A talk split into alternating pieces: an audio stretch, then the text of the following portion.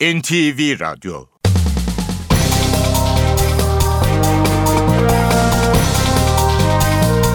İşe Giderken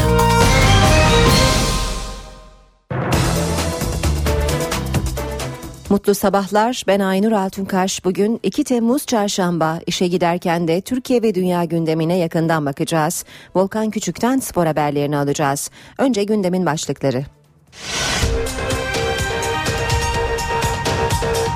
AK Parti'nin Cumhurbaşkanı adayı Başbakan Recep Tayyip Erdoğan oldu. Görkemli tanıtım töreninde konuşan Erdoğan, AK Parti'nin geleceği için gözüm arkada değil, amacımız genç bir yapıyla devam etmek dedi. CHP grubunda konuşan Kemal Kılıçdaroğlu Recep Tayyip Erdoğan'dan Cumhurbaşkanı adayı olamaz dedi. CHP ve MHP ortak Cumhurbaşkanı adayı Ekmelettin İhsanoğlu memleketi Yozgat'ta seçim çalışmalarına başladı. Ekmelettin İhsanoğlu'na destek için 5 partinin genel başkanı bugün ortak bir deklarasyon yayınlayacak. Doğru Yol Partisi son anda desteğini çekti. Halkların Demokratik Partisi'nin Cumhurbaşkanı adayı Selahattin Demirtaş için toplanan 30 imza meclis başkanlığına sunuldu. Hakkındaki yolsuzluk iddiaları nedeniyle gözaltına alınan Fransa'nın eski Cumhurbaşkanı Nicolas Sarkozy hakkında resmi soruşturma açıldı. İşe Giderken gazetelerin gündemi.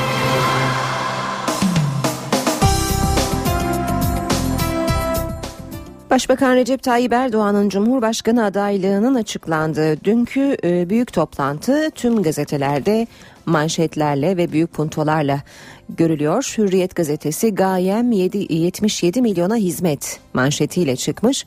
AK Parti'nin Cumhurbaşkanı adayı gösterdiği Erdoğan, partinin değil Türkiye'nin Cumhurbaşkanı olacağım dedi. Başbakan Tayyip Erdoğan Ankara'daki coşkulu toplantıda şöyle konuştu. Biz siyaseti Allah için, millet için, vatan için yaptık. Türkiye bize oy verenler kadar vermeyenlerin de ülkesidir. Biz Türkiye'yi onlar için de büyüttük. Görevim süresince tek ama tek gayem 77 milyona hizmet üretilmesini sağlamak olacaktır. Eğer seçilirsek inşallah farklı bir cumhurbaşkanlığını inşallah ülkemizde ortaya koyacağız. Orası bir dinlenme makamı asla olmayacaktır.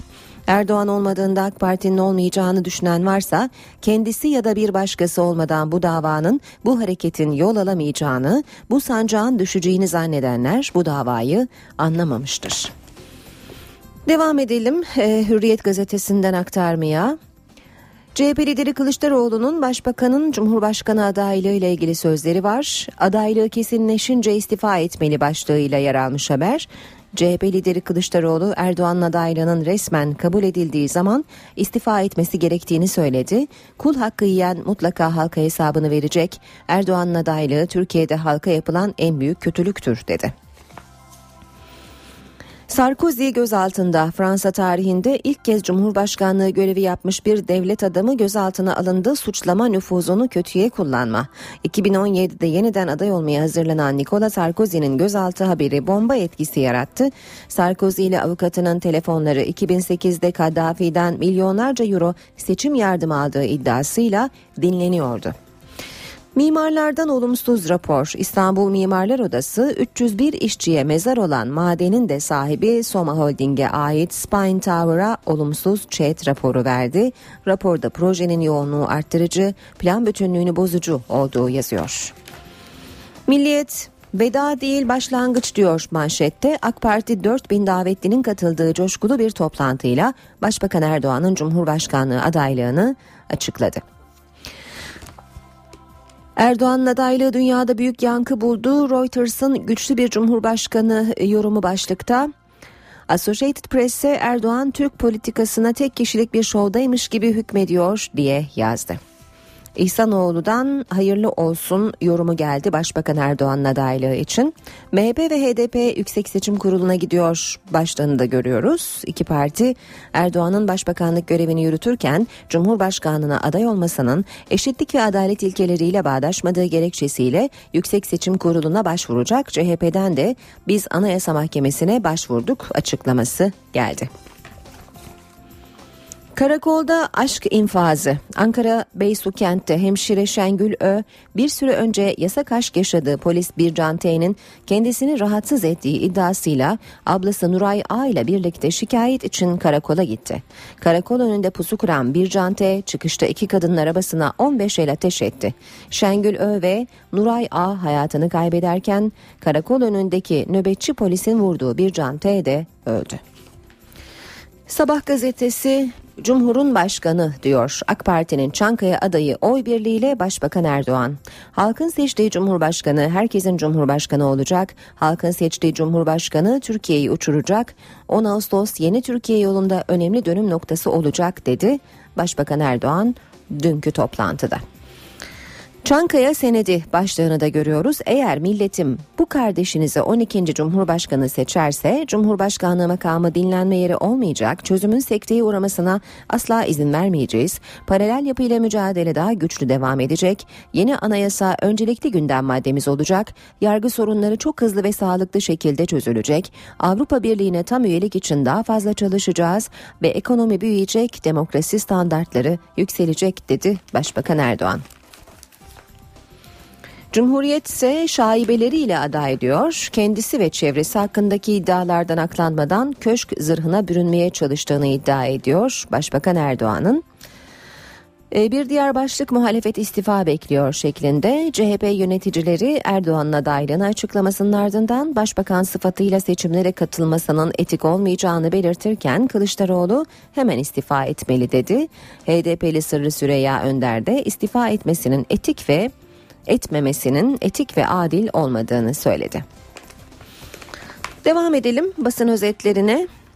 Habertürk gazetesiyle veda değil başlangıç adaylığı resmen açıklanan Erdoğan iddialı seçilmiş Cumhurbaşkanı ve seçilmiş Başbakan Türkiye'yi uçuracak.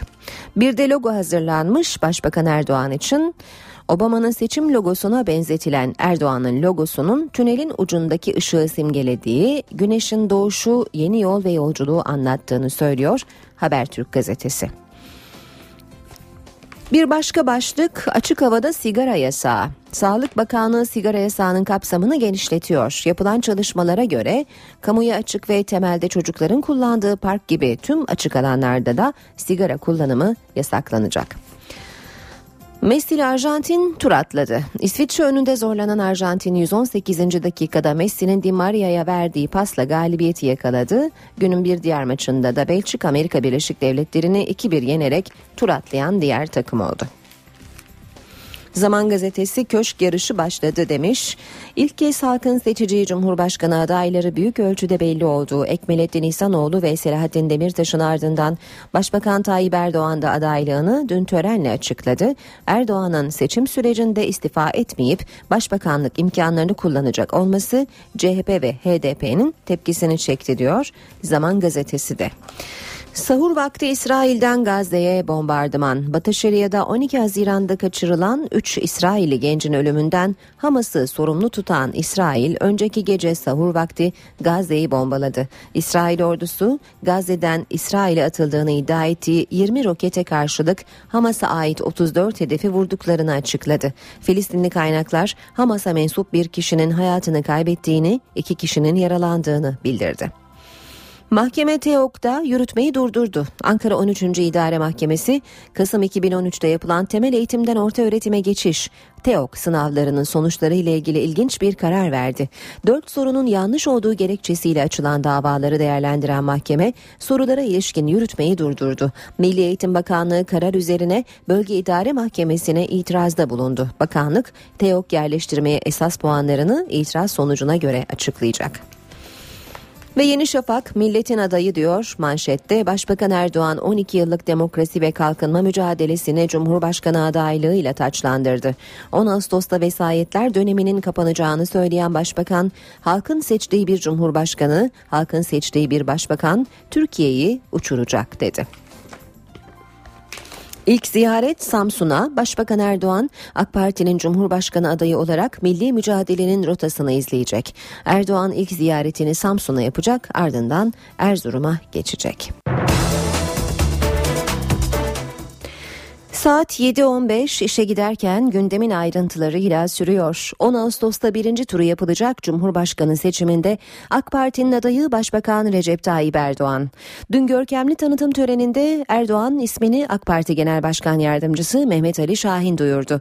Konuşmasına dualarla başlayan Başbakan AK Parti'nin geleceğine ilişkin olarak gözüm arkada değil amacımız genç bir yapıyla devam etmek dedi. Türkiye Cumhuriyeti'nin 12. Cumhurbaşkanı adayı, Genel Başkanımız, Başbakanımız, İstanbul Milletvekili Recep Tayyip Erdoğan. Adayımızın hayırlı olmasını diliyorum. AK Parti'nin Cumhurbaşkanı adayı Recep Tayyip Erdoğan oldu. Erdoğan aday olarak ilk konuşmasına dualarla başladı. Hayırlara vesile eyle ya Rab. Amin, amin, amin. 1 saat 3 dakika kürsüde kalan Erdoğan 10 Ağustos vesayet tarihinin sonu olacak dedi. Cumhurbaşkanının halk tarafından seçilmesi bir tarihin, vesayetler tarihinin bu ülkede kapatılmasıdır bunu böyle bilelim. Halkın seçtiği bir cumhurbaşkanı ve halkın seçtiği bir başbakan Allah'ın izniyle her anlamda Türkiye'yi uçuracaktır. Bundan kimsenin şüphesi olmasın. Erdoğan seçildiği takdirde nasıl bir cumhurbaşkanı olacağını anlattı. Eğer seçilirsek inşallah farklı bir cumhurbaşkanlığını inşallah ülkemizde ortaya koyacağız. Asla bir kesimin, bir partinin değil, Türkiye Cumhuriyeti'nin cumhurbaşkanı olacağız.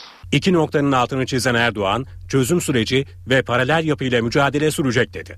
Cumhurbaşkanlığımızda da çözüm sürecinin sekteye uğramasına asla müsaade etmeyiz edemeyiz. Aynı şekilde paralel devlet yapılanmasıyla mücadele Cumhurbaşkanlığı dönemimizde çok daha güçlü, çok daha koordineli şekilde süreceğini özellikle ifade etmek isterim. Başbakan AK Parti'nin geleceğine ilişkin mesajlar da verdi. Gözüm arkada değil, amacımız genç bir yapıyla devam etmek dedi. Törenin ardından 311 milletvekilinin imzasıyla adaylık dosyası Meclis Başkanı Cemil Çiçek'e sunuldu. Başbakanın köşk adaylığı açıklanırken gözyaşlarını tutamayanlar oldu. Törende kampanyanın sloganı ve logosu da açıklandı. Şüphesiz ki bu bir veda değil. Şunu biliniz ki her an yeni bir başlangıçtır. Bugün de birbirimize veda etmiyor. Birbirimizden ayrılmıyor. Yeni bir başlangıcın heyecanını hep birlikte yaşıyoruz. Veda etmiyorum, yeni bir başlangıç yapıyorum dedi. Ama başbakan köşk adaylığını açıklarken salonda gözyaşlarını tutamayanlar vardı. Eşi Emine Erdoğan ve Başbakan Yardımcısı Bülent Arınç. Her an bana destek oldular. Bu anlamlı günde bu tarihi anda huzurlarınızda eşime sabrından dolayı teşekkür ediyorum. Çocuklarıma sabırlarından, anlayışlarından, fedakarlıklarından dolayı teşekkür ediyorum. Başbakan sadece ailesinden değil, partililerden de helallik istedi. Teşkilatımız içinde istemeden kırdığımız kardeşlerim varsa onlardan af diliyorum. Teşkilatımızın tüm mensuplarından, tüm çalışma arkadaşlarımdan helallik diliyorum. ATO Kongre Merkezi aday tanıtımı için özel olarak hazırlandı. Erdoğan konuşurken arkasında millete hizmet yolunda büyük hedeflere doğru panosu vardı. Adaylık için bir de logo hazırlandı. Logodaki güneş yeni Türkiye'nin doğuşunu, yol ve yolculuk Tayyip Erdoğan'ın siyaset hayatını anlatıyor. Kampanyanın sloganı da milletin adamı Recep Tayyip Erdoğan. Erdoğan İstanbul'da da büyük bir tanıtım toplantısı yapacak. Köşk adayı olarak konuşmasına dualarla başlayan Erdoğan sözlerini yine dua ile bitirdi. Bu bir hatime değil, inanıyorum ki bir fatihadır, bir açılıştır. Başbakan Erdoğan, Cumhurbaşkanlığı adaylığının açıklanmasının ardından tanıtım toplantısına katılan AK Partili milletvekilleri, belediye başkanları ve il başkanlarına iftar yemeği verdi. Ato Kongre Merkezi'nde basına kapalı gerçekleşen iftarda kabine üyeleri de tam kadro bulundu. Başbakan Erdoğan iftar öncesinde ise tebrikleri kabul etti. Türkiye Odalar ve Borsalar Birliği Başkanı Rıfat Sarcıklıoğlu ile Türk İş Genel Başkanı Ergün Atalay, Başbakan Erdoğan'a hayırlı olsun ziyaretinde bulundu. Erdoğan evinin önünde de kendisini tebrik etmek isteyen vatandaşlarla aracından inerek bir süre sohbet etti. Erdoğan bugün de AK Parti Merkez Karar ve Yönetim Kurulu üyelerine genel merkezde iftar yemeği verecek. Recep Tayyip Erdoğan'ın köşk adaylığı kuşkusuz en çok memleketi Rize'yi sevindirdi. Güneysu ilçesinde yaşayanlar hemşerilerinin Çankaya'ya köşke çıkacağından emin. Hayatımın diyebileceğim en mutlu anını şu anda yaşıyorum. Muhtar olamazsın diye denilmeyen bir insan şu anda Cumhurbaşkanı adayımız. Başbakan Recep Tayyip Erdoğan'ın Cumhurbaşkanı adaylığı Baba Ocağı Rize Güneysu'da sevinçle karşılandı. Hemşerileri adaylık açıklamasını televizyondan dakika dakika takip etti. Çok memnun oldum. Allah başarıların devamını istiyor. Güneysu sakinleri Başbakan Erdoğan'ın köşke çıkacağından emin. Güneysu halkı aslında Türk halkıyla beraber Cumhurbaşkanı seçmişti. Biz bunu biliyorduk. Başbakanımız da bugün bunu onayladı. Bizi gururlandırdı. Sev- Dünya mal olmuş bir liderimiz Cumhurbaşkanlığına en üst Türkiye'de en üst seviyeye çıkmış bulunmaktadır. Çıkmış diyorum şu anda çıkmış diyorum. Onun için duygulanmamak elde değil. AK Parti'nin Cumhurbaşkanı adayını açıkladığı sırada İstanbul Kasımpaşa'da da heyecanlı bir bekleyiş vardı. Başbakan Erdoğan'ın doğup büyüdüğü semtte Cumhurbaşkanlığı adaylığı sevinçle karşılandı. Yani bu ülke için, gelecek için eğer ki bir yararlı olacaksa Tayyip Erdoğan'dan başka bir şey yoktur yani. İyi de idare ettiler, iyi idare edeceklerine de eminiz yani. Mecliste dün sadece CHP grubu toplandı. CHP lideri Kemal Kılıçdaroğlu Recep Tayyip Erdoğan'ın köşk adaylığını da partisinin grup toplantısında değerlendirdi. Erdoğan'dan Cumhurbaşkanı adayı olmaz dedi. Türkiye Cumhuriyeti böyle bir cumhurbaşkanı adayını içine sindiremez ve bunu kaldıramaz. Başbakan Recep Tayyip Erdoğan'ın Cumhurbaşkanlığı adaylığına ilk tepki CHP lideri Kemal Kılıçdaroğlu'ndan geldi. Kılıçdaroğlu Erdoğan'dan Cumhurbaşkanı adayı olmaz dedi ve gerekçelerini sıraladı. Yalan söyleyenden Cumhurbaşkanı adayı olamaz. Türkiye'de ve dünyada saygınlığı olmayan ve saygınlığını yitiren birisinden Cumhurbaşkanı adayı olmaz. Kılıçdaroğlu Erdoğan'ın resmi başvurusunun kabul edilmesinin ardından istifa etmesi gerektiğini savundu. CHP lideri çatı adayı Ekmelettin İhsanoğlu'nun partili bir cumhurbaşkanı olmayacağını söyledi. Biz Cumhuriyet Halk Partisi olarak büyük bir uzlaşmayı gerçekleştirdik. Her yurttaşın rahatlıkla oy verebileceği bir adayımızı belirledik. Şaibesi yok. Bilgi birikimi var. Dünyada tanınmışlığı var. Toplumun hiçbir kesimiyle ilgili negatif bir söylemi yok. Herkesi kucaklayan bir aday üzerinde uzlaştık. Bu benim cumhurbaşkanımdır parti olarak demedik. Eğer Türkiye gerçekten demokrasiye bağlıysa, hırsızlıklardan ilallah diyorsa, yolsuzluklardan ilallah diyorsa şapkasını koyacak ve düşünüp sandığa öyle gidecek. AK Partili bakanlar Başbakan Erdoğan'ın köşk adaylığından memnun. Muhalefet partileri ise köşk adayı olan Tayyip Erdoğan'ın başbakanlığı bırakması gerektiği fikrinde. CHP lideri Kılıçdaroğlu'nun ardından MHP'li Yusuf Alaçoğlu ve HDP'li Pervin Buldan'dan da benzer açıklamalar geldi. Etik olarak etmesi gerekiyor tabii ki yani bir başbakan e, sıfatıyla yarışa katılması anayasaya da aykırı zaten. Etik olmadığını düşünüyorum. E, yani başbakanın e, başbakanlıktan istifa etmesi gerektiğini ve bu yarışa e, Recep Tayyip Erdoğan olarak girmesi gerektiğini düşünüyorum. MHP ve HDP Başbakan Recep Tayyip Erdoğan'ın Cumhurbaşkanı adayı olmasının ardından görevini bırakması gerektiği görüşünde. MHP bu konuda Yüksek Seçim Kurulu'na başvurmaya hazırlanıyor. Adaylar arasında e, adil bir e, yarış e, yapılmasını gerektiriyor. Şimdi dolayısıyla başbakanın en azından başbakanlık makamının e, herhangi bir avantajından faydalanmayacak şekilde bir seçim yarışına girmesi gerekir. Yüksek Seçim Kurulu'na bu konuda adil bir seçim ortamı yaratması için böyle bir e, teklifte başvuruda bulunacağız. Erdoğan'ın köşk adaylığı Bakanlar Kurulu üyelerinin de gündemindeydi. Kabine üyeleri iddialı. Ben çok sevinçliyim. 35 yıldır arkadaşlık yaptığım ve gerçekten hayatının her safhasında büyük başarılar kazanmış bir kardeşimizin Cumhurbaşkanı adayı olarak tespit edilmesinden onun adaylığına imza koymaktan Allah'a hamd ediyorum. Hayırlı olsun. Bu ülkede Cumhurbaşkanlığını Sayın Başbakanımızdan daha fazla hak eden başka bir insan bilmiyorum. Onun için son derece mutluyuz. Sayın Başbakanımız inşallah 10 Ağustos'tan itibaren Sayın Cumhurbaşkanımız olarak anılacaktır. CHP ve MHP'nin ortak Cumhurbaşkanı adayı Ekmelettin İhsanoğlu dün memleketi Yozgat'taydı. Hemşerileriyle bir araya gelen İhsanoğlu akşamda iftar programına katıldı, önemli mesajlar verdi. CHP ve MHP'nin ortak Cumhurbaşkanı adayı Ekmelettin İhsanoğlu seçim startını Baba Ocağı Yozgat'ta verdi. Memleketinde yaklaşık 500 araçlı konvoyla karşılanan İhsanoğlu'na CHP ve MHP'li milletvekilleri de eşlik etti. İhsanoğlu önce Molla Osman Türbesi'ni ziyaret etti. Cumhurbaşkanı adayı daha sonra üzerinde Bozok Yaylası'nın bilgi evladı ve birliğimizin teminatı sloganlarının yazdığı seçim otobüsüne bindi, halkı selamladı. Ardından da yürüyerek valiliğe gitti. İhsanoğlu'nun bir sonraki durağı büyüdüğü ev oldu. Akrabalarıyla bir araya gelen İhsanoğlu bahçedeki kuyudan su çekti. İhsanoğlu bir kez daha eleştirilere yanıt verdi. Benim köklerim burası. Başka bir yer değil. Başka bir şeyler söyleyenler gelsinler. Yozgat'ı görsünler. İstanbuloğlu mahallesini görsünler.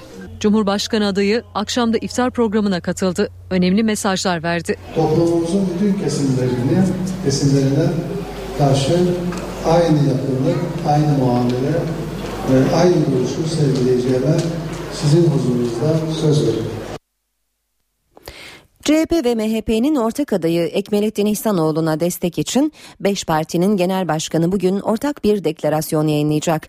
Doğru Yol Partisi toplantıya saatler kala İhsanoğlu'na desteğini çektiğini açıkladı.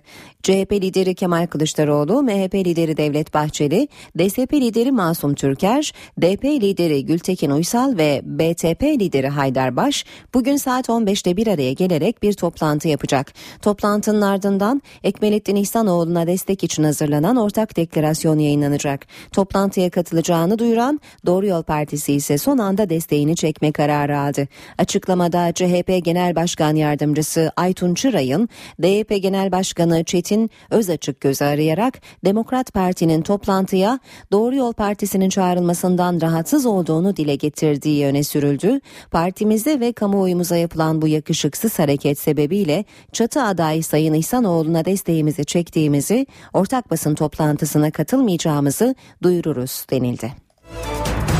CHP, MHP ve AK Parti'nin ardından HDP'de Cumhurbaşkanı adayı Selahattin Demirtaş için dün resmi başvuruyu yaptı. Grup Başkan Vekili İdris Baluken Demirtaş için toplanan 30 imzanın olduğu dosyayı Meclis Başkanı Cemil Çiçek'e verdi. Başbakan Erdoğan'ın adaylığı HDP grubuna soruldu. Sırrı Süreyya Önder en az bizimki kadar adil dedi. Kimseyi rakip görmüyoruz diyen HDP Grup Başkan Vekili Pervin Buldan yarış Erdoğan'la Selahattin Demirtaş arasında arasında geçecek cevabını verdi.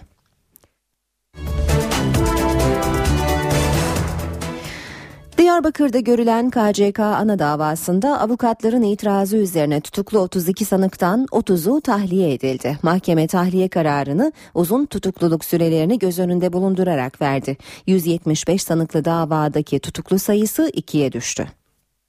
Yaklaşık 4 yıldır devam eden KCK ana davasında 30 tutuklu sanık daha tahliye edildi. Davada tutuklu sayısı ikiye düştü.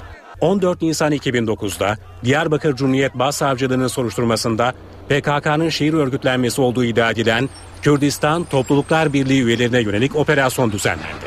Aralarında parti yöneticileri ve belediye başkanlarının bulunduğu çok sayıda kişi gözaltına alındı. 103'ü tutuklu, 175 sanık hakkında 7578 sayfalık iddianame hazırlandı. İlk duruşması 18 Ekim 2010'da yapılan dava yaklaşık 4 yıl sürdü. Bazı sanıkların cezaevindeyken milletvekili seçildiği davada son olarak eski DEP milletvekili Hatip Dicle tahliye edildi. Avukatlar Anayasa Mahkemesi'nin uzun tutukluluk süreleriyle ilgili kararına vurgu yaparak tutuklu 32 sanığın tahliyesi için bir kez daha mahkemeye başvurdu. 32 sanıktan 30'u uzun tutukluluk süreleri göz önünde bulundurularak tahliye edildi. Sanıklardan Abdullah Eflatun ve Hasan Hüseyin Ebemin ise tutukluluk hallerinin devamına karar verildi. Davada aralarında eski Diyarbakır Büyükşehir Belediye Başkanı Osman Baydemir'in de bulunduğu sanıklar hakkında devletin birliği ve bütünlüğünü bozmak, terör örgütü yöneticisi olmak ve terör örgütüne yardım ve yataklık etmek suçlarından 15 yıldan ağırlaştırılmış müebbete kadar değişen hapis cezaları isteniyor. AK Parti'nin Cumhurbaşkanı adayı Başbakan Recep Tayyip Erdoğan oldu. Görkemli tanıtım töreninde konuşan Erdoğan, AK Parti'nin geleceği için gözüm arkada değil, amacımız genç bir yapıyla devam etmek dedi. CHP grubunda konuşan Kemal Kılıçdaroğlu Recep Tayyip Erdoğan'dan Cumhurbaşkanı adayı olamaz dedi. CHP ve MHP ortak Cumhurbaşkanı adayı Ekmelettin İhsanoğlu memleketi Yozgat'ta seçim çalışmalarına başladı. Ekmelettin İhsanoğlu'na destek için 5 partinin genel başkanı bugün ortak bir deklarasyon yayınlayacak. Doğru Yol Partisi son anda desteğini çekti. Halkların Demokratik Partisi'nin Cumhurbaşkanı adayı Selahattin Demirtaş için toplanan 30 imza meclis başkanlığına sunuldu. Hakkındaki yolsuzluk iddiaları nedeniyle gözaltına alınan Fransa'nın eski Cumhurbaşkanı Nicolas Sarkozy hakkında resmi soruşturma açıldı.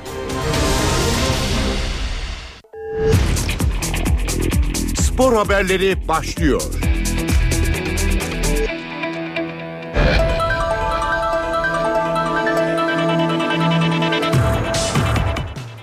Beşiktaş'ta transfer planlamasının detayları belli oldu. Dört farklı mevkiye takviye yapacaklarını belirten Futbol Genel Direktörü Önder Özen, yeni golcünün yarına kadar belli olacağını söyledi. Beşiktaş transferde hata geçiyor. Almanya kampında basın toplantısı düzenleyen Futbol Genel Direktörü Önder Özen en az 4 takviye yapacaklarını söyledi. Birinci transfer dönemi sona erene kadar stoper, ofansif orta saha, e, hücumun sağına ve santfor pozisyonlarına e, birer oyuncu e, alınacak. Onunla ilgili e, her pozisyon için çok sayıda alternatif var. E, onlarla ilgili çalışmaları yöneticilerimiz yürütüyorlar. Önder Özen, sağ bek mevkisine de takviye yapmayı düşündüklerini ancak önceliklerinin stoper olduğunu belirtti. Forvet hattı için çalışmalarının sürdüğünü söyleyen Özen, Kostas Mitroğlu ile ilgili de açıklamalarda bulundu. Perşembe günü Santfor pozisyonda görüştüğümüz oyunculardan e, birinden net en azından net noktaya geliyoruz. E, Mitrol'da ne olur onu zaman içerisinde göreceğiz. Gökhan Töre'yi maddi sebeplerden dolayı takımda tutamadıklarını belirten Özen, uygun şartlar oluşması halinde tekrar düşüneceklerini söyledi. Kararımız e, oyuncuyla devam etmek yönündeydi. Ama bu transferi zorlaştıran çok sayıda faktör var. E, rakamlarla alakalı, Rubin Kazan kulübün tutumuyla alakalı. O sebeple e, e, o pozisyonda biz birçok alternatifle e, temas halindeyiz. Orada sadece Gökhan Töre'ye bağımlı e, gidiyoruz diyemeyiz. Önder Özen çok konuşulan Olcan Adın transferiyle ilgili de konuştu. Bizim önerdiğimiz e, rakamlar e, beğenilmemiş olsa gerek. Galatasaray kulübünün verdiği rakamlar e, kabul edildi. Eğer oraya verdilerse ben hem Galatasaray kulübüne bu transferden dolayı hem Olcan'a e, kendisini bireysel olarak önümüzdeki süreçte hayırlı olsun başarılar dilerim. Önder Özen, stoper mevkisi için son olarak Kasımpaşa'da forma giyen Yalçın Ayhan'ın gündemlerinde olduğunu söyledi. Arkadaşlarımızın Yalçın'la ve menajeriyle görüşmeleri devam ediyor. Eğer sonuç alınırsa e, biz Yalçın'la da çalışacağız. Beşiktaş Futbol Genel Direktörü Önder Özen, Almanya'daki basın toplantısında Bilic'le kavga ettiklerine dair çıkan haberlere de açıklık getirdi. Hırvat teknik adamla zaman zaman fikir ayrılıkları yaşadıklarını ifade eden Özen, kavga haberlerinin ise kesinlikle doğru olmadığını söyledi.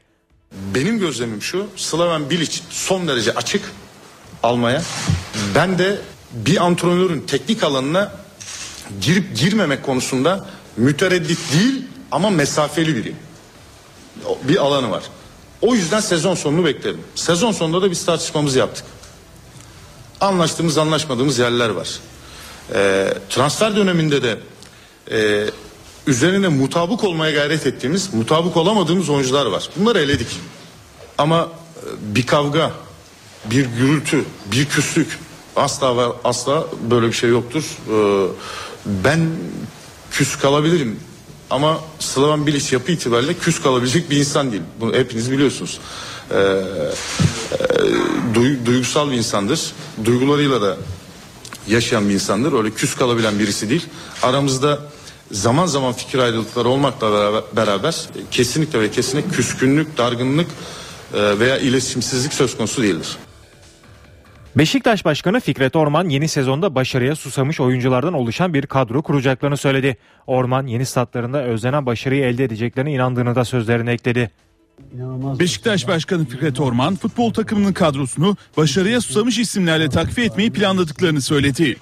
Orman, Kulüp Dergisi'nin Temmuz ayı sayısındaki yazısında Beşiktaş'la ilgili her çalışmayı heyecanla, umutla ve kararlılıkla sürdürdüklerini ifade etti. Günü kurtarmaktan çok uzun vadeli projeleri hayata geçirmek istediklerini vurgulayan Başkan Orman, bazı futbolcularla yolları ayırırken başarıya susamış Beşiktaş ruhunu benimseyecek, formamızın hakkını verecek bir kadro oluşturmak her zamanki hedefimiz değerlendirmesinde bulundu. Orman, sahada görmek istediğim çok koşan, istikrarlı, yürekten oynayan, terinin son damlasına kadar mücadele eden bir takım sözlerini kullandı. Bütün enerjilerini yeni stadın bitirilmesine harcadıklarını belirten Fikret Orman, gelecek sezon kendi taraftarları önünde yeni statlarında özlenen başarıyı elde edeceklerine inandığını söyledi. Galatasaraylı Wesley Sneijder Dünya Kupası'ndaki performansıyla transferin gözdesi haline geldi. Sarı Kırmızılı kulübün bonservis bedelini 20 milyon euro olarak belirlediği Hollandalı Yıldız'a İngiltere, İspanya ve Fransa'dan talip var. Galatasaray'ın yıldızı Wesley Sneijder Dünya Kupası'ndaki performansıyla birçok Avrupa kulübünün transfer listesine girdi. Chelsea, Manchester United, Monaco ve Atletico Madrid Hollandalı futbolcuyu kadrosuna katmak isteyen takımlar. Galatasaray Başkanı Ünal Aysal daha önce yaptığı açıklamada Hollandalı yıldızın bonservis ücretini 20 milyon euro olarak belirlemişti. Snyder'ın Dünya Kupası'nda ortaya koyduğu performansın giderek yükselmesi de yıldız oyuncuyu transfer etmek isteyen kulüplerin artmasına sebep oldu. Turnuva sonrası Hollandalı yıldızla ilgilenen takımlar Galatasaray'la pazarlık masasına oturacak. Sarı Kırmızılılar 7,5 milyon euroya Inter'den aldığı Snyder'dan kazanacağı parayla transfer çalışmalarına yön verecek. Bütçesini 12 milyon euro olarak belirleyen Galatasaray, yabancı kuralından dolayı elden çıkaracağı isimlerden iyi bir gelir elde etmeyi amaçlıyor. Ancak Wesley Sneijder daha önce kendisiyle ilgilenen kulüpler olduğunu bildiğini ancak Galatasaray'da mutlu olduğunu açıklamıştı. Hollanda milli takım teknik direktörü Van Hal'in turnuva sonrası Manchester United'ın başına geçecek olması ise Snyder'ın İngiltere'ye transfer olacağı iddialarını güçlendiriyor. Fenerbahçe İsviçre Federal Mahkemesi'nden çıkacak kararı bekliyor. Mahkemenin yazılı savunma için UEFA'ya verdiği süre yarın sona erecek. Fenerbahçe İsviçre Federal Mahkemesi'ndeki davanın sonucunu bekliyor. Sarı lacivertlerin bu sezon Şampiyonlar Ligi'ne katılabilmesi için Kas'ın onayladığı karara yönelik yürütmeyi durdurma kararı çıkması gerekiyor. Mahkeme UEFA'ya 3 Temmuz'a kadar yazılı cevabını göndermesi için süre vermişti. Ancak son günlerde ortaya çıkan iddiaların aksine İsviçre Federal Mahkemesi 3 Temmuz günü UEFA ve KAS'ta olduğu gibi bir duruşma yapmayacak. UEFA'nın federal mahkemeye göndereceği savunma Sarı lacivertlerin bu süreçteki politikasını da belirleyecek. Savunmayı inceleyecek Fenerbahçe yetkilileri ya karşı cevap hakkını kullanacak ya da çıkacak kararı bekleyecek. Ancak İsviçre Federal Mahkemesi'nin yürütmeyi durdurma kararını 3 Temmuz'da verme olasılığı düşük. Mahkemeden çıkacak olası bir olumlu sonuç Sarı lacivertlerin Diego'dan başka transfer yapmama kararında gözden geçirmesine neden olabilir. Trabzonspor Adrian, Henrique ve Olcan adından yaklaşık 12 milyon euroyu kasasına koydu. Bir yandan transfer çalışmalarını sürdüren Bordo Mavililer 5 yabancı oyuncusuyla da yollarını ayırmaya hazırlanıyor. Transfer döneminin hareket takımlarından Trabzonspor, Adrian Miazjevski, Paolo Enrique ve Olcan adını satarak yaklaşık 12 milyon euroluk gelir elde etti. Bordo Mavililer önemli oyuncularıyla yollarını ayırmasına rağmen kadrosunu güçlendirmeye devam ediyor. Daha önce Serdar Gürler, Deniz Yılmaz, Serhat Çakmak, Anıl Taşdemir, Gökhan Karadeniz, Turgut Doğan Şahin ve Kurtuluş Yurdu renklerine bağlayan Trabzonspor, Kasımpaşa'dan Adem Büyük ve Karabükspor'dan İshak Doğan için de girişimlerini sürdürüyor. Karadeniz ekibi başta yabancı oyuncular olmak üzere birçok oyuncusunu göndererek yeni transferler için gelir elde etmek istiyor. Trabzonspor Adrian Miyazjevski Suudi Arabistan'ın El Nas takımına 3 milyon 250 bin euroya, Paolo Enrique'yi Çin ekibi Shanghai Greenland'e 4 milyon euroya ve son olarak Olcan adını Galatasaray'a yaklaşık 4,5 milyon euroya satarak kasasına yaklaşık 12 milyon euroyu koydu. Kadrosundaki oyunculardan Jose Bosinqua ve Alexandru Bursiano dışındaki yabancı oyunculardan Mark Yanko, Ondrej Jeruska, Floran Maluta, Gustavo Kolman ve Sol Bamba'yı satmak isteyen Trabzonspor elde edeceği geliri transfere harcayarak iddialı bir kadro kurmak istiyor. Bu haberle spor bültenimizin sonuna geldik. Hoşçakalın. NTV Radyo Yeni saati karşılıyoruz. Herkese yeniden günaydın. Birazdan Gökhan Abur'la hava tahminlerini konuşacağız. Önce gündemin başlıkları. AK Parti'nin Cumhurbaşkanı adayı Başbakan Recep Tayyip Erdoğan oldu. Görkemli tanıtım töreninde konuşan Erdoğan, AK Parti'nin geleceği için gözüm arkada değil, amacımız genç bir yapıyla devam etmek dedi. CHP grubunda konuşan Kemal Kılıçdaroğlu Recep Tayyip Erdoğan'dan Cumhurbaşkanı adayı olamaz dedi. CHP ve MHP ortak Cumhurbaşkanı adayı Ekmelettin İhsanoğlu memleketi Yozgat'ta seçim çalışmalarına başladı. Ekmelettin İhsanoğlu'na destek için 5 partinin genel başkanı bugün ortak bir deklarasyon yayınlayacak. Doğru Yol Partisi son anda desteğini çekti.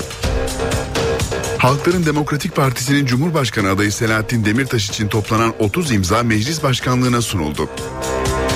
Hakkındaki yolsuzluk iddiaları nedeniyle gözaltına alınan Fransa'nın eski Cumhurbaşkanı Nicolas Sarkozy hakkında resmi soruşturma açıldı. Şimdi hava durumu için Gökhan Abur'la beraberiz. Merhaba, günaydın Sayın Abur. Merhaba, günaydın. E, yurdun özellikle batısında rüzgarların hızını arttırdığını görüyoruz. Bugünkü hava tahminleri nasıl? Evet söylediğiniz gibi rüzgarlar zaman zaman hızlanarak e, hissedilen sıcaklıkları düşürmeye devam ediyor. Bugün Batı Karadeniz'de, Marmara'da, Kuzey Ege'de Poyraz, Güney Ege'de karayel yönlü rüzgar sert eserek havaya biraz bölgeye serinlik vermeye çalışacak. Düne göre sıcaklıkları da batıda 1-2 derecelik azalış var. Yarın yeniden 1-2 derece yükselecek batı bölgelerde ama cuma günü özellikle e, Balkanlarda bulunan serin havayı taşıyacak olan kuzeyli rüzgarlar Marmara'dan başlayarak sıcaklıkları 5-6 derece azaltacak ve bu azalış çok büyük olasılıkla Marmara'nın kuzey ve doğu kesimlerine de yağış getirebilecek. Evet iç kesimlerde sıcaklıklar mevsim ortalamaları üzerinde. Şu an itibariyle 31 ile 34 derece arasında sıcaklıkların değişmesini bekliyoruz. Akdeniz boyunca açık bir hava var. Sıcaklıklar yükselmeye devam ediyor. Şu anda rüzgarlar güneyli o bakımdan nem oranı şu saat itibariyle %80'lerde. Ama bu geceden itibaren özellikle yarın nemin azalmasını bekliyoruz ve sıcaklıklar yükselmeye devam edecek. Geçtiğimiz günlerde olduğu gibi bu sıcak ve kuru hava orman yangını riskini arttırıyor. O bakımdan bölgede bulunanlar son derece dikkatli olmalı. En küçük bir insan hatası maalesef çok büyük boyutlarda yangınlara sebep olabiliyor. Doğuda ise sıcaklıklar hafta boyu e, etkisini yüksek değerlerini korumaya devam edecek. Özellikle Güneydoğu'da sıcaklıklar artık 40 derecelerin üzerine çıkmaya başladı. Hava genellikle açık. Doğu Karadeniz bölgemizde şu anda hava bulutlu. Hatta Giresun'dan başlayarak Artvin'e kadar olan bölgede e, parçalı zaman zaman çok bulutlu bir hava var. Fakat biz bugün için Artvin civarında hafif bir yağış bekliyoruz. Yine doğuda Kars arasında hafif bir yağış olabilecek. Ama yarın bölgede yine kısa süreli yağışlar e, görülebilecek. Bunlar çok yerel yağışlar. Evet rüzgar kuvvetleniyor demiştim. Hemen işte bakıyorum İstanbul'da şu anda hava sıcaklığı 22. Bugün beklediğimiz en yüksek sıcaklık 28 derece olacak. Ama hissedilen sıcaklık rüzgarın öğle saatlerinde hızını 35-40 kilometreye çıkarmasıyla 25 dereceler civarında hissedilecek. Bu gece beklediğimiz en düş, yüksek sıcaklık ise 20 derece civarında olacak. Ankara'da ise gündüz sıcaklıkları oldukça yüksek. Bugün yine 33 dereceye kadar çıkmasını beklediğimiz bir sıcaklık var ki bu Ankara ortalamasının 5-6 derece üzerindeki bir değer. Gece sıcaklığı ise 17 derece olacak. İzmir'de özellikle Çeşmeme civarında rüzgar öğle saatlerinde kuvvetleniyor. Poyraz yönlü rüzgar etkisini artırırken hissedilen sıcaklıklar biraz azalırken 34 dereceye kadar çıkacak. Oysa termometre sıcaklıkları daha da yüksek değerlere çıkabilecek bugün için. Gece ise sıcaklığı ise 21 derece olacak. Akdeniz'de biraz evvel bahsettiğim gibi yüksek sıcaklıklar etkisini sürdürüyor. Antalya'da bugün beklediğimiz sıcaklık 38 derece civarında. Evet bizleri bekleyen koşullar genellikle böyle. Gökhan Abur teşekkürler. NTV Radyo Gündemin ayrıntılarına bakmaya devam edelim. 10 Ağustos'ta yapılacak Cumhurbaşkanı seçiminde AK Parti'nin adayı Başbakan Recep Tayyip Erdoğan. Dün görkemli tanıtım töreninde Başbakan Erdoğan ismini AK Parti Genel Başkan Yardımcısı Mehmet Ali Şahin duyurdu. Konuşmasına dualarla başlayan Başbakan, AK Parti'nin geleceğine ilişkin olarak gözüm arkada değil amacımız genç bir yapıyla devam etmek dedi. Türkiye Cumhuriyeti'nin 12. Cumhurbaşkanı adayı Genel Başkanımız, Başbakanımız, İstanbul Milletvekili Recep Tayyip Erdoğan. Adayımızın hayırlı olmasını diliyorum. AK Parti'nin Cumhurbaşkanı adayı Recep Tayyip Erdoğan oldu.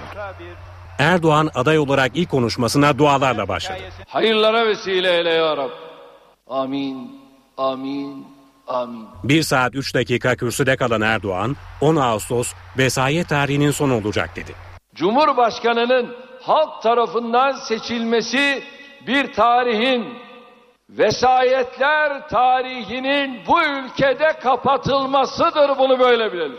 Halkın seçtiği bir cumhurbaşkanı ve halkın seçtiği bir başbakan Allah'ın izniyle her anlamda Türkiye'yi uçuracaktır. Bundan kimsenin şüphesi olmasın. Erdoğan seçildiği takdirde nasıl bir cumhurbaşkanı olacağını anlattı. Eğer seçilirsek inşallah farklı bir cumhurbaşkanlığını inşallah ülkemizde ortaya koyacağız. Asla bir kesimin, bir partinin değil, Türkiye Cumhuriyeti'nin cumhurbaşkanı olacağız. İki noktanın altını çizen Erdoğan, çözüm süreci ve paralel yapıyla mücadele sürecek dedi. Cumhurbaşkanlığımızda da çözüm sürecinin sekteye uğramasına asla müsaade etmeyiz dedemeyiz. Aynı şekilde paralel devlet yapılanmasıyla mücadele Cumhurbaşkanlığı dönemimizde çok daha güçlü, çok daha koordineli şekilde süreceğini özellikle ifade etmek isterim. Başbakan AK Parti'nin geleceğine ilişkin mesajlar da verdi. Gözüm arkada değil, amacımız genç bir yapıyla devam etmek dedi. Törenin ardından 311 milletvekilinin imzasıyla adalet dosyası Meclis Başkanı Cemil Çiçek'e sunuldu.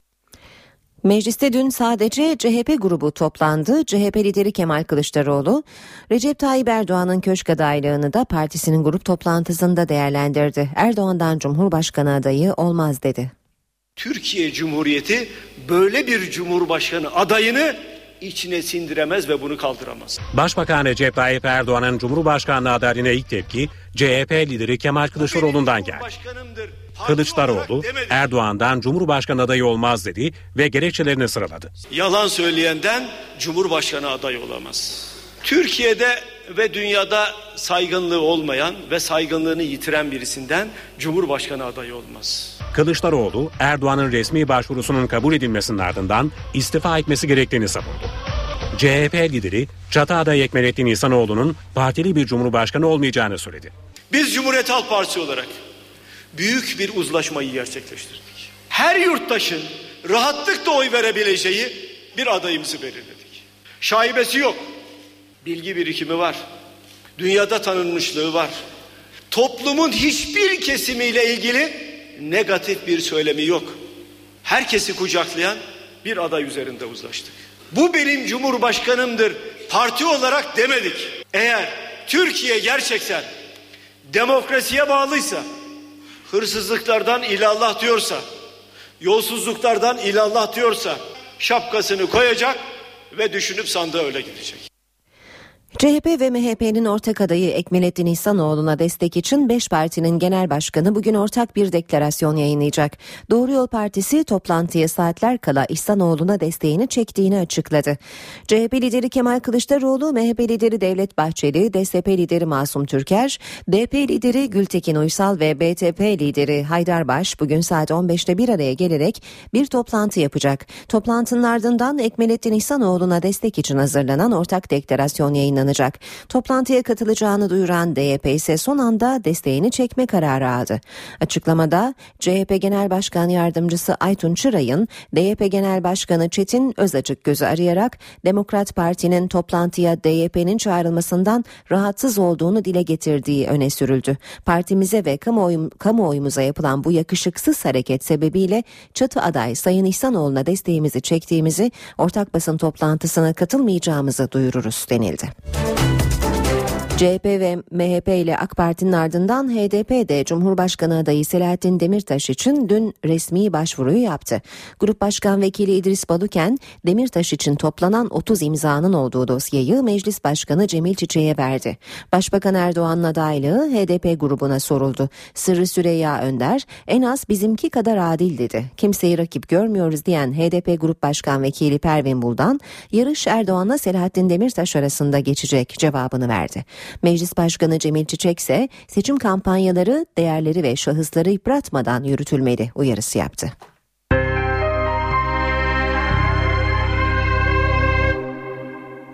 Sivas'taki Madımak Oteli 21 yıl önce ateşe verildi. Çoğunluğu aydın ve sanatçı 37 kişi yaşamını yitirdi.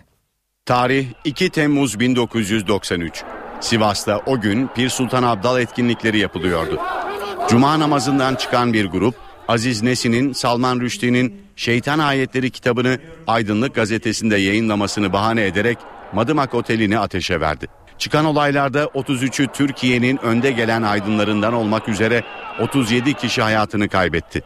Tarihe Sivas katliamı olarak geçen bu olayın ardından başlayan dava süreci tam 19 yıl sürdü. Ankara Birnoğlu Devlet Güvenlik Mahkemesi'nde görülen dava 125 sanıkla başladı. Takvimler 2000 yılını gösterdiğinde davada alınan kararlar iki kere bozulmuş ve sanık sayısı 33'e düşmüştü. 2000 yılında bir kez daha karar açıklayan bir nolu Devlet Güvenlik Mahkemesi 33 sanık için idam dedi. Sanıkların cezası daha sonra müebbet hapse çevrildi. Fakat davanın 5 firari sanığı aradan geçen 19 yılda yakalanamadı. Olaya ilişkin devam eden son dava 13 Mart 2012'de zaman aşımından düştü. Böylece 5 firari sanık ceza almaktan kurtuldu. Cumhurbaşkanı Abdullah Gül'ün talebiyle harekete geçen Devlet Denetleme Kurulu yaklaşık bir buçuk yıldır dosyayı inceliyor. Katliamın 21. yılında Sivas'ta her yıl olduğu gibi anma törenleri düzenlenecek. 2500 polisin görev yapacağı kentte geniş güvenlik önlemleri alındı. Tedavi gördüğü hastanede kalp yetmezliğinden ölen disk başkanı Kemal Türkler cinayetinin faili Ünal Osman Ağaoğlu için dün de cenaze töreni yapıldı. Yıllar önce babasının öldürülüşüne tanık olan Nilgün Soydan Osman Ağaoğlu'nun ölümünü neyse ki ilahi adalet var diye değerlendirdi. Dün cenazeye katılanlar arasında MHP lideri Devlet Bahçeli de vardı. Kemal Türkler cinayetinin faili Ünal Osman Ağaoğlu kalp rahatsızlığından öldü. Fatih Camii'ndeki cenazeye MHP Genel Başkanı Devlet Bahçeli de katıldı. Devlet Bahçeli, Osman Ağaoğlu'nun ailesine başsağlığı diledi. Meral Akşener ve Celal Adan da cenazeye katılan isimler arasındaydı. Ünal Osman Ağaoğlu, DİS Genel Başkanı Kemal Türkler cinayeti nedeniyle yargılandı. Mahkeme zaman aşımı var dedi ve ceza verilmedi. Mutfaktaydım. Her zaman oturduğum koltukta e, sinirlerim boşaldı ve ağlamaya başladım. Yıllarca duruşmalara gidip gelen Kemal Türkler'in kızı Nilgün Soydansa ilahi adalet var diye konuştu. Gerçekten en önemli e, adalet e, sınıflandırması yaptığımızda en önemli kalemi tutan bence ilahi adalet. Kemal Türkler 1980 yılında evinin önünde öldürüldü. Nilgün Soydan babasının öldürülüşünü ve Osman Ağaoğlu'nu dünmüş gibi hatırlıyor. Babamı öldürdüğü anda ilk göz göze gelmiştim evimizin balkonundan. Kendisi ilk çok iyi resmettiğim bir e, yüz, sima. Nilgün Soydan'ı en çok üzen Ünal Osman Ağaoğlu'nun tabutunun Türk bayrağına sarılması oldu. Ünal Osman Ağaoğlu 1978 Ekim'inde Türkiye İşçi Partisi'ne üye 7 gencin Bahçeli Evler'de öldürülmesi olayından müebbet hapse mahkum olmuştu. Ancak 2012'de çıkan afla tahliye edildi. Eski Fransa Cumhurbaşkanı Nicolas Sarkozy hakkında resmi soruşturma başlatıldı. Sarkozy yolsuzluk iddiaları nedeniyle Mali Suçlar Şubesi'ndeki şubesinde yaklaşık 16, 16 saat sorgulandı. Yolsuzluk iddiaları nedeniyle ifade vermesi için gözaltına alınan Fransa eski Cumhurbaşkanı Nicolas Sarkozy hakkında resmi soruşturma açıldı. Sarkozy, Mali Suçlar Şubesi'nde yaklaşık 16 saat süren sorgusunun ardından Paris Mahkemesi'ne gönderildi. Mahkeme eski Cumhurbaşkanı hakkında nüfuzunu kötüye kullanma ve yolsuzluk suçlamalarıyla resmi soruşturma başlatılmasını talep etti. 2007 Cumhurbaşkanlığı seçimi kampanyasının eski Libya lideri Muammer Kaddafi tarafından finanse edildiğine dair iddiaları araştıran Fransız sorgu hakimleri Fransa eski Cumhurbaşkanı'nın telefonunu geçen yıl dinlemeye aldırmıştı. Telefon kayıtlarının Sarkozy'nin yargıta üyesi iki başsavcı aracılığıyla hakkındaki yolsuzluk dosyaları konusunda bilgi edindiğini ortaya çıkardığı söyleniyor. Sarkozy'nin bu bilgiler karşılığında yargıta üyelerinden birine Monaco'da görev vaadinde bulunduğu da iddialar arasında. İki yargıta üyesi de dün akşam Paris'te yargıç önüne çıkarıldı. NTV Radyo Başkent gündemiyle devam ediyoruz. Karşımızda NTV muhabiri Özden Erkuş var. Özden günaydın. Günaydın Aynur. Ee, bugün neler aktaracaksın bize başkent gündeminden? Ee, Ankara'da gündemin en başlığı kuşkusuz Cumhurbaşkanlığı seçimi dün Başbakan Erdoğan da adaylığını açıklamasının ardından artık gözler siyasi parti genel başkanlarının yanı sıra adayların programlarında da olacak. Ekmelettin İhsanoğlu ile başlayalım. Cumhurbaşkanlığı yarışında adaylığı açıklanan ilk isim Ekmelettin İhsanoğlu'na destek veren siyasi partiler bugün ortak bir deklarasyon açıklayacaklar. Toplantıya CHP ve MHP genel başkanları başta olmak üzere İhsanoğlu'nun köşke çıkmasını destekleyen DSP, Demokrat Parti ve Bağımsız Türkiye Partisi liderleri de katılacak. Ekmelettin İhsanoğlu ise deklarasyon toplantısının yapıldığı dakikalarda seçim turu kapsamında Nevşehir'in Hacı Bektaş ilçesinde olacak. İhsanoğlu Hacı Bektaş Veli Türbesi'ni ziyaret edecek. Sivas katliamının yıl dönümü çerçevesinde düzenlenen bazı etkinliklere katılacak mesajlar verecek. Başbakan Erdoğan adaylığı dün açıklandı. Aday olduktan sonra ilk toplantısını il başkanlarıyla yapmıştı. Bugün ise AK Parti Merkez Karar ve Yönetim Kurulu üyeleriyle bir araya gelecek. Toplantıda kampanya süreci detayları ve bundan sonraki yol haritasının masada olmasını bekliyoruz. Erdoğan istifa edecek mi? Köşke çıkarsa kim başbakan olacak gibi sorularsa yanıt bekliyor. MKYK toplantısında bu sorulara ilişkin değerlendirme yapılmasını da bekliyoruz. Ardından başbakan MKYK üyelerine iftar yemeği verecek. Ve HDP'nin Cumhurbaşkanı adayı olarak açıkladığı isim Selahattin Demirtaş. Demirtaş bugün Sivas'ta olacak. Sivas katliamının 21. yıl dönümünde kentte düzenlenen anma etkinliğine katılacak HDP eş başkanı. Aynı zamanda Cumhurbaşkanı adayı Selahattin Demirtaş. Meclis gündeminde de önemli bir başlık var. Geçen hafta meclis başkanlığına sunulan ve çok tartışılan çözüm süreci paketi bugün meclis gündemine geliyor. Tasarı öncelikle İçişleri Komisyonu'nda görüşülecek.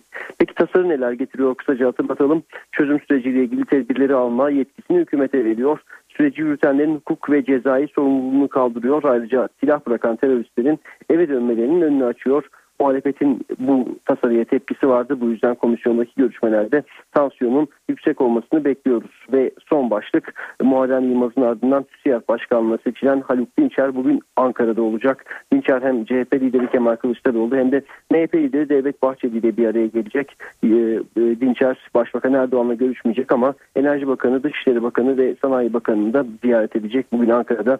Gündemden çıkan başlıklar bu şekilde olacak. Özden teşekkürler. Başkent gündeminden notları Özden Erkuş'tan aldık.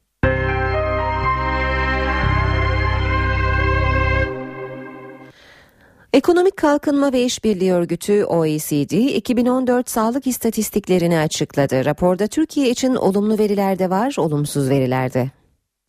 Türkiye'de ortalama yaşam süresi 2000 yılına göre 3,5 yıl artışla 74,6'ya çıktı. 34 üyeli Ekonomik Kalkınma ve İşbirliği Örgütü'nde ortalama artış 3 yılla Türkiye'nin gerisinde kalsa da yaşam süresi 80,2 yılla Türkiye'nin oldukça üstünde. OECD'nin 2014 Sağlık İstatistikleri raporuna göre sağlık harcamalarında da Türkiye OECD içinde son sırada yer alıyor. Türkiye'de sağlık harcamalarının milli gelirden aldığı pay %5,4. OECD'de ise bu oran Türkiye'nin neredeyse iki katı %9,3. Rapora göre Türkiye'de kişi başına düşen doktor sayısı ise önemli ölçüde arttı. 2000 yılında 1000 kişiye bir doktor düşerken bu rakam 2012'de 1,8'e çıktı. OECD ortalaması ise 1000 kişiye 3,2 doktor. Türkiye bu oranla da OECD içinde son sırada yer alıyor. Raporda Türkiye'nin sigarayla mücadelesine de değinildi. Sigara içenlerin nüfusu oranı 2003'te %32 iken 2012'de %24'e düştüğü belirtiliyor. Türkiye obezlerin nüfusu oranında ise OECD ülkeleri içinde 10. sırada bulunuyor. Türkiye'de tarımda çalışan çok, üretim az. Bunu Profesör Doktor Güngör Uras söylüyor. Şimdi mikrofonu ona bırakalım. Ayşe teyze ne yapsın? Uras, Ayşe teyze ekonomide olan biteni anlatıyor. Merhaba sayın dinleyenler, merhaba Ayşe teyze, merhaba Ali Rıza Bey amca. Mart ayı istihdam rakamlarına göre ücretli ücretsiz, kayıtlı kayıtsız toplam çalışan nüfus 25 milyon 583 bin kişi. Bunların 17 milyon 979 bini yani 18 milyona yaklaşanı %70'i erkek %30'u kadın. Çalışan 25 milyon nüfusun %21'i tarımda, %21'i sanayide, %7'si inşaat kesiminde, yarısı da hizmetler sektöründe çalışıyor. Tekrar edeyim yarısı hizmetler sektöründe çalışanların eşit oranda neredeyse %21'i tarımda, %21'i sanayinde, %7'si de inşaat kesiminde. Çalışan insan üretir. Çalışanların üretimi ise milli gelire katkılarıyla ölçülür. 2014 yılının ilk 3 ayına ait milli gelir rakamları açıklandı. Yılın ilk 3 ayında ülkede toplam çalışanların %21'ini oluşturan 5 milyon 315 kişinin tarımda çalıştığını görüyoruz. Bunların milli gelire katkısı ise sadece %3,7 oranında oldu. Yani tekrar edeyim ülkede çalışanların %21'i tarım sektöründe bunların milli gelire katkısı ise 3,7 oranında. Buna karşılık sanayide çalışan ve toplam nüfusun gene tarımdaki gibi %21'ini oluşturan 5 milyon 365 kişinin milli gelire katkısı %16,5 oranında. Çalışan sayısı aynı, tarımdakilerin toplam üretime katkısı %3,7 iken sanayide çalışanların katkısı %16,5 oranında. Neredeyse 4,5 kat fark var. Neden tarım ve sanayide aynı sayıda insan çalışırken tarımda kişi başı üretim düşük? Bunun değişik nedenleri var. En önemli neden tarımda çalışanların büyük bölümünün ücretsiz aile işçisi olması. Ücretsiz aile işçileri tarımda çalışan sayısını arttırıyor. Diğer önemli nedenler tarım ürünlerinde katma değerin düşük olması, tarım ürünlerinin değer kazanamaması, tarımda verimin düşüklüğü, tarım işletmelerinin küçük olması nedeniyle makineleşmeye gidilememesi. Ne olursa olsun neticede tarım işsizliğin azalmasına imkan veriyor ama tarımda çalışanların büyük bölümünün de çalışmadan çalışır gibi göründükleri anlaşılıyor. Sanayileşmiş ülkelerde istihdam ile ilgili değerlendirmeler yapılırken tarım dışı sektörlerde iş imkanlarının ne kadar arttığına bakılıyor. Ücretli çalışanların sayıları dikkate alınıyor. Mart ayı itibariyle tarımda çalışan 5 milyon 315 bin kişinin 4 milyon 277 bini yani yüzde 80'i kayıt dışı. Tarımda ücret ve yevmiye ile çalışanların sayısı sadece 416 bin. Onların da yüzde 77'si kayıt dışı. Bitmedi. Tarımda çalışanların yarısı 2 milyon 617 bini ücretsiz aile işçisi. Özetle görülüyor ki tarım sektörü işsizlik oranının yükselmesini önlüyor. İşsizlik oranı yüksek gibi görünmüyor. Çok sayıda insan tarımda uğraşı imkanı sağlıyor ama çalışan sayısı kadar tarım ekonomiye katkıda bulunamıyor. Bir başka söyleşi de birlikte olmak ümidiyle şen ve esen kalınız sayın dinleyenler. Güngör Uras'a sormak istediklerinizi ntvradio.ntv.com.tr adresine yazabilirsiniz. Ve piyasalar BIST 100 endeksi dün %1,76 değer kaybederek 77.107 puandan kapandı. Bu sabah dolar 2 lira 13 kuruş, euro 2 lira 91 kuruşta, euro dolar 1.37, dolar yen 102 düzeyinde, altının onsu 1326 dolar, kapalı çarşıda külçe altının gramı 91, çeyrek altın 148 liradan satılıyor, Brent petrolün varili 112 dolar. AK Parti'nin Cumhurbaşkanı adayı Başbakan Recep Tayyip Erdoğan oldu. Görkemli tanıtım töreninde konuşan Erdoğan, AK Parti'nin geleceği için gözüm arkada değil, amacımız genç bir yapıyla devam etmek dedi. CHP grubunda konuşan Kemal Kılıçdaroğlu Recep Tayyip Erdoğan'dan Cumhurbaşkanı adayı olamaz dedi. CHP ve MHP ortak Cumhurbaşkanı adayı Ekmelettin İhsanoğlu memleketi Yozgat'ta seçim çalışmalarına başladı. Ekmelettin İhsanoğlu'na destek için 5 partinin genel başkanı bugün ortak bir deklarasyon yayınlayacak. Doğru Yol Partisi son anda desteğini çekti. Halkların Demokratik Partisi'nin Cumhurbaşkanı adayı Selahattin Demirtaş için toplanan 30 imza meclis başkanlığına sunuldu. Hakkındaki yolsuzluk iddiaları nedeniyle gözaltına alınan Fransa'nın eski Cumhurbaşkanı Nicolas Sarkozy hakkında resmi soruşturma açıldı. 8. sınıf öğrencileri için yapılan TEOK sınavında mahkeme 4 soruyu iptal etme kararı aldı. Peki bu ne anlama geliyor? Eğitim uzmanı Sadık Gültekin yanıtladı. 8. sınıflar için yapılan TEOK sınavında 4 soru iptal edildi. Soruların hatalı olduğu gerekçesiyle açılan davada mahkeme yürütmeyi durdurma kararı aldı. Fen, İngilizce, din kültürü testindeki 4 sorunun iptal edilmesi sınav sonuçlarını da etkileyecek. Peki bu karar sınava giren öğrenciler için ne anlama geliyor? Dört sorunun iptali sınavın iptali anlamına gelmiyor. Dolayısıyla hani öğrencilerin veya velilerin burada kaygılanmalarına gerek yok. Kılavuzda da zaten bu e, ifade vardır. Şayet hatalı soru tespit edildiği takdirde değerlendirme kalan sorular üzerinden yapılır. Milli Eğitim Bakanlığı karara itiraz etti. Üst mahkemenin kararına göre sınav sonuçlarının açıklanacağını belirtti. Sigara yasağının kapsamı genişliyor. Yasak açık alanları da kapsayacak şekilde yenilenecek. Ama çocuklara kötü örnek olmamak. İşte ayrıntılar. Artık açık havada da sigara içilemeyecek. Sigaranın parakende satış fiyatının en az %70'i özel tüketim vergisi olacak. Fiyatlar artacak. Sağlık Bakanlığı 2014-2018 Ulusal Tütün Kontrol Programı ve Eylem Planını tamamladı. 4 yıllık eylem planı 10 başlıkta 133 faaliyetten oluşuyor. Faaliyetler 21 kurum ve kuruluşun koordinasyonunda yürütülecek. Eylem planının en dikkat çeken yaptırımı sigara yasaklarının açık alanlara da yayılması olacak. Plan kapsamında çocuk parkları başta olmak üzere çocukların faydalandığı tüm açık alanlarda tütün kullanımı önlenecek. Özellikle alışveriş merkezleri, sinema, tiyatro gibi yerlerin bina girişlerinde pasif etkilenme mesafeleri belirlenecek. Eylem planıyla bilinçlendirme çalışmaları artırılacak. Çağrı merkezi ve santrallerin karşılama mesajlarında sigara ile mücadele sürecine katkı sağlayacak kısa bilgiler verilecek. Elektronik sigara, tütün ve tütün ürünlerinin reklamları, internetten satışları ve sponsorlukları engellenecek. Sigara bırakma hizmetinin danışma tetkik ve tedavileri SGK tarafından ücretlendirilecek.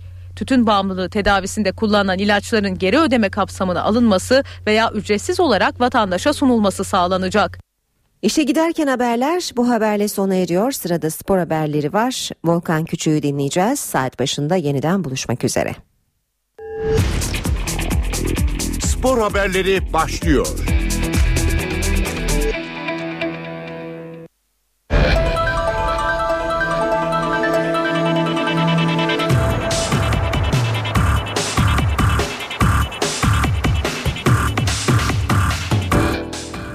Beşiktaş'ta transfer planlamasının detayları belli oldu. Dört farklı mevkiye takviye yapacaklarını belirten Futbol Genel Direktörü Önder Özen, yeni golcünün yarına kadar belli olacağını söyledi.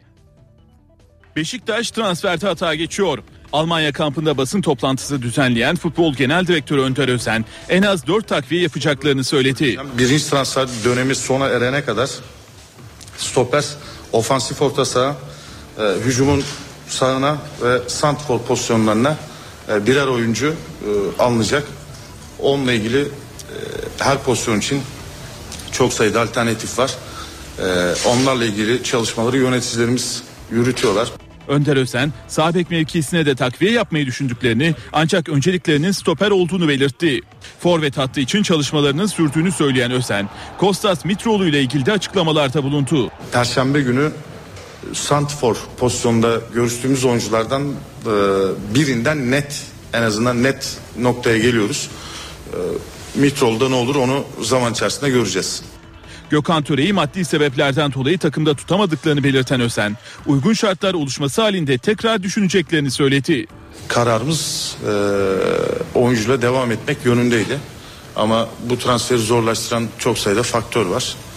E, rakamlarla alakalı, Rubin Kazan kulübün tutumuyla alakalı. O sebeple e, e, o pozisyonda biz birçok alternatifle e, temas halindeyiz. Orada sadece Gökhan Töre'ye bağımlı e, gidiyoruz diyemeyiz. Önder Özen çok konuşulan Olcan Adın transferiyle ilgili de konuştu. Bizim önerdiğimiz e, rakamlar e, beğenilmemiş olsa gerek. Galatasaray kulübünün verdiği rakamlar e, kabul edildi. Eğer oraya verdilerse ben hem Galatasaray kulübüne bu transferden dolayı hem Olcan'a e, kendisini bireysel olarak önümüzdeki süreçte hayırlı olsun başarılar dilerim. Önder Özen, stoper mevkisi için son olarak Kasımpaşa'da forma giyen Yalçın Ayhan'ın gündemlerinde olduğunu söyledi. Arkadaşlarımızın Yalçın'la ve menajeriyle görüşmeleri devam ediyor. Eğer sonuç alınırsa e, biz Yalçın'la da çalışacağız. Beşiktaş Futbol Genel Direktörü Önder Özen Almanya'daki basın toplantısında Bilic'le kavga ettiklerine dair çıkan haberlere de açıklık getirdi. Hırvat teknik adamla zaman zaman fikir ayrılıkları yaşadıklarını ifade eden Özen, kavga haberlerinin ise kesinlikle doğru olmadığını söyledi. Benim gözlemim şu Slaven Bilic son derece açık almaya. Ben de bir antrenörün teknik alanına girip girmemek konusunda mütereddit değil ama mesafeli biriyim. Bir alanı var. O yüzden sezon sonunu beklerim. Sezon sonunda da biz tartışmamızı yaptık. Anlaştığımız anlaşmadığımız yerler var. Ee, transfer döneminde de e, üzerine mutabık olmaya gayret ettiğimiz, mutabık olamadığımız oyuncular var. Bunları eledik.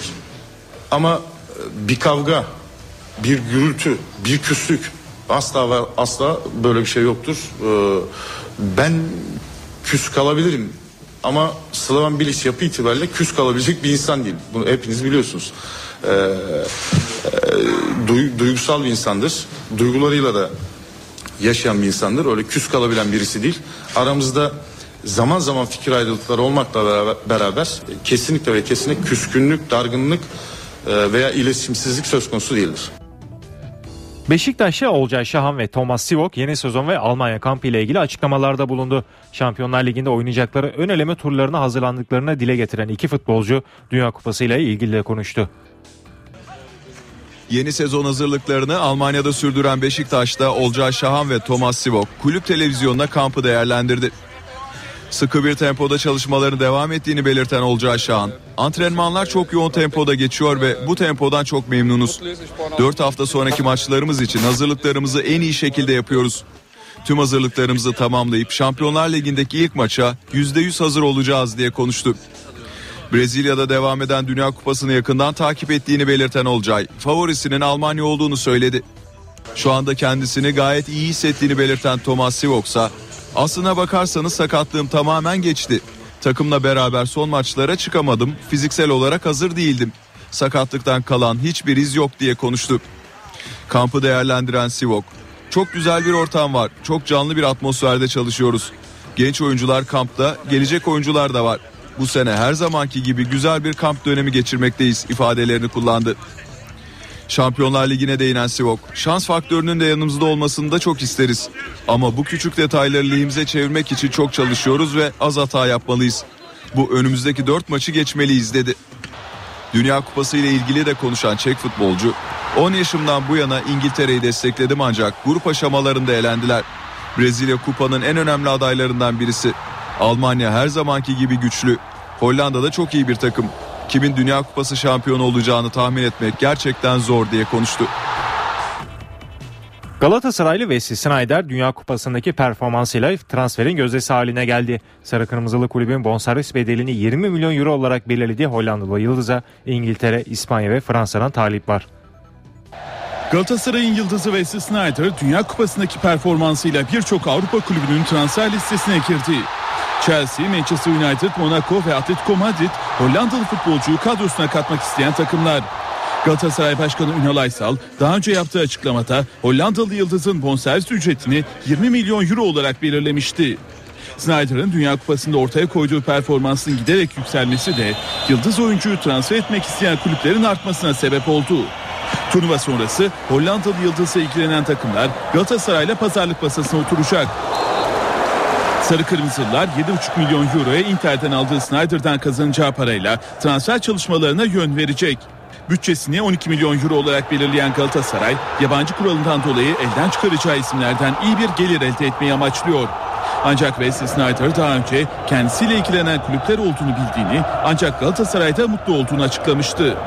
Hollanda milli takım teknik direktörü Van Hal'in turnuva sonrası Manchester United'ın başına geçecek olması ise Snyder'ın İngiltere'ye transfer olacağı iddialarını güçlendiriyor. Fenerbahçe İsviçre Federal Mahkemesi'nden çıkacak kararı bekliyor. Mahkemenin yazılı savunma için UEFA'ya verdiği süre yarın sona erecek. Fenerbahçe İsviçre Federal Mahkemesi'ndeki davanın sonucunu bekliyor. Sarı lacivertlerin bu sezon Şampiyonlar Ligi'ne katılabilmesi için Kas'ın onayladığı karara yönelik yürütmeyi durdurma kararı çıkması gerekiyor. Mahkeme UEFA'ya 3 Temmuz'a kadar yazılı cevabını göndermesi için süre vermişti. Ancak son günlerde ortaya çıkan iddiaların aksine İsviçre Federal Mahkemesi 3 Temmuz günü UEFA ve KAS'ta olduğu gibi bir duruşma yapmayacak. UEFA'nın federal mahkemeye göndereceği savunma Sarı lacivertlerin bu süreçteki politikasını da belirleyecek. Savunmayı inceleyecek Fenerbahçe yetkilileri ya karşı cevap hakkını kullanacak ya da çıkacak kararı bekleyecek. Ancak İsviçre Federal Mahkemesi'nin yürütmeyi durdurma kararını 3 Temmuz'da verme olasılığı düşük. Mahkemeden çıkacak olası bir olumlu sonuç Sarı lacivertlerin Diego'dan başka transfer yapmama kararında gözden geçirmesine neden olabilir. Trabzonspor Adrian Henrique Olcan adından yaklaşık 12 milyon euroyu kasasına koydu. Bir yandan transfer çalışmalarını sürdüren Bordo Mavililer 5 yabancı oyuncusuyla da yollarını ayırmaya hazırlanıyor. Transfer döneminin hareketli takımlarından Trabzonspor, Adrian Miazjevski, Paulo Henrique ve Olcan adını satarak yaklaşık 12 milyon euroluk gelir elde etti. Bordo Mavililer önemli oyuncularıyla yollarını ayırmasına rağmen kadrosunu güçlendirmeye devam ediyor. Daha önce Serdar Gürler, Deniz Yılmaz, Serhat Çakmak, Anıl Taşdemir, Gökhan Karadeniz, Turgut Doğan Şahin ve Kurtuluş Yurdu renklerine bağlayan Trabzonspor, Kasımpaşa'dan Adem Büyük ve Karabük Spor'dan İshak Doğan için de girişimlerini sürdürüyor. Karadeniz ekibi başta yabancı oyuncular olmak üzere birçok oyuncusunu göndererek yeni transferler için gelir elde etmek istiyor. Trabzonspor Adrian Mierzejewski Suudi Arabistan'ın El Nas takımına 3 milyon 250 bin euroya, Paolo Enrique'yi Çin ekibi Shanghai Greenland'e 4 milyon euroya ve son olarak Olcan adını Galatasaray'a yaklaşık 4,5 milyon euroya satarak kasasına yaklaşık 12 milyon euroyu koydu. Kadrosundaki oyunculardan Jose Bosilva ve Alexandru Bursiano dışındaki yabancı oyunculardan Mark Yanko, Ondrej Jeruska, Floran Maluta, Gustavo Kolman ve Sol Bamba'yı satmak isteyen Trabzonspor elde edeceği geliri transfere harcayarak iddialı bir kadro kurmak istiyor. Bu haberle spor bültenimizin sonuna geldik. Hoşçakalın. NTV Radyo